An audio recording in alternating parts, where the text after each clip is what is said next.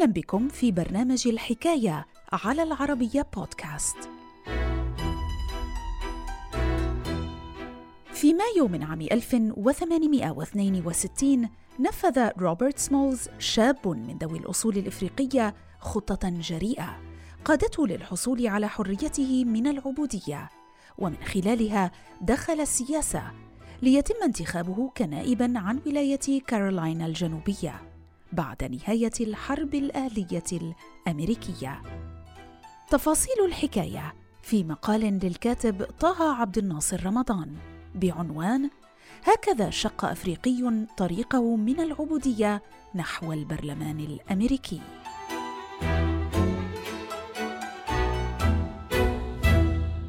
الحكاية. على مر التاريخ ناضل العديد من العبيد السود للحصول على حريتهم.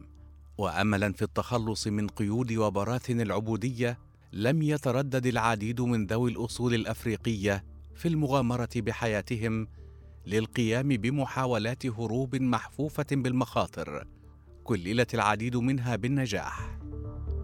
وإضافة لهنري براون الذي تربع داخل صندوق وأرسل نفسه عبر البريد نحو فيلادلفيا عام 1849 يذكر التاريخ قصة العملية التي قادها روبرت سمولز في خضم الحرب الأهلية للنجاة من الكونفدراليين الجنوبيين.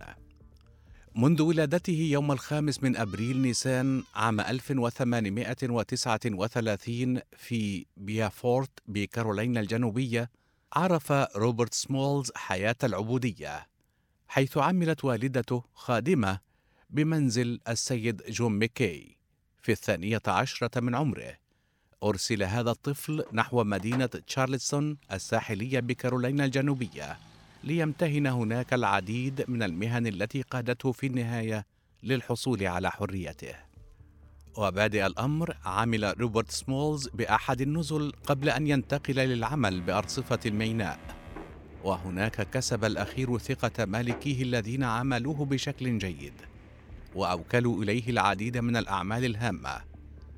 في السابعة عشرة من عمره تزوج هذا الرجل ذو الأصول الأفريقية من هانا جونز ورزق منها بطفلين. وطيلة فترة عمله حاول روبرت سمولز تحصيل مبلغ 800 دولار لشراء حرية عائلته وإنهاء معاناته مع العبودية.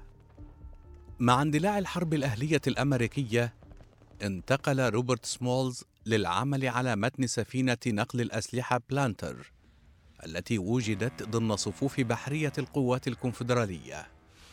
وكان سمولز واحدا من ثمانية عبيد سمح لهم بركوب هذه السفينة البخارية والمشاركة في مجهودات حرب الولايات الجنوبية الرافضة لإنهاء العبودية.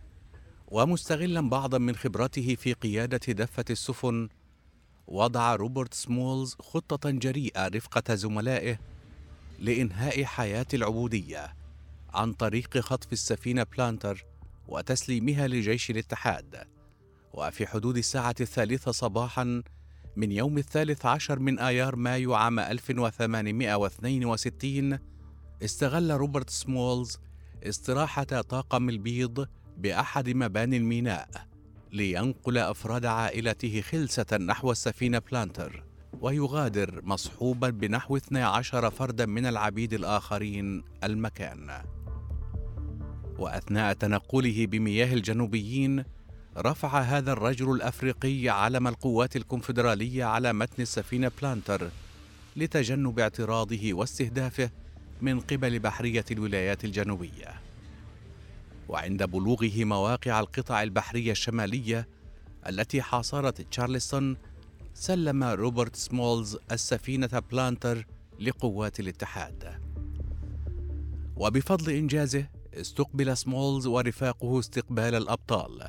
حيث تناقلت الصحف حادثة خطف وتسليم السفينة البخارية بلانتر ليتحول بذلك روبرت سمولز لبطل قومي لدى الشماليين. أيضا قدم هذا الرجل الأفريقي الأصل معلومات هامة لجيوش الاتحاد حول مواقع الكونفدراليين وتحركاتهم عند ميناء تشارلستون مساهما بذلك في تسهيل مهمتهم بمناطق كارولينا الجنوبية لاحقا حصل روبرت سمولز ورفاقه على مكافأة مالية وقد نال هذا الرجل الأفريقي الأصل وحده 1500 دولار. كما تم تكريمه في البيت الأبيض ومنح رتبة كابتن ببحرية جيش الاتحاد.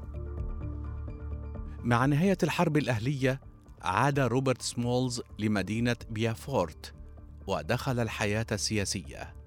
فالتحق بالحزب الجمهوري ودعا جميع السود بالبلاد لتأييده. كما أسس الحزب الجمهوري في كارولينا الجنوبية أحد فروع الحزب الجمهوري وانتخب نائبا عن ولاية كارولينا الجنوبية بمجلس النواب الأمريكي أثناء فترة إعادة الإعمار.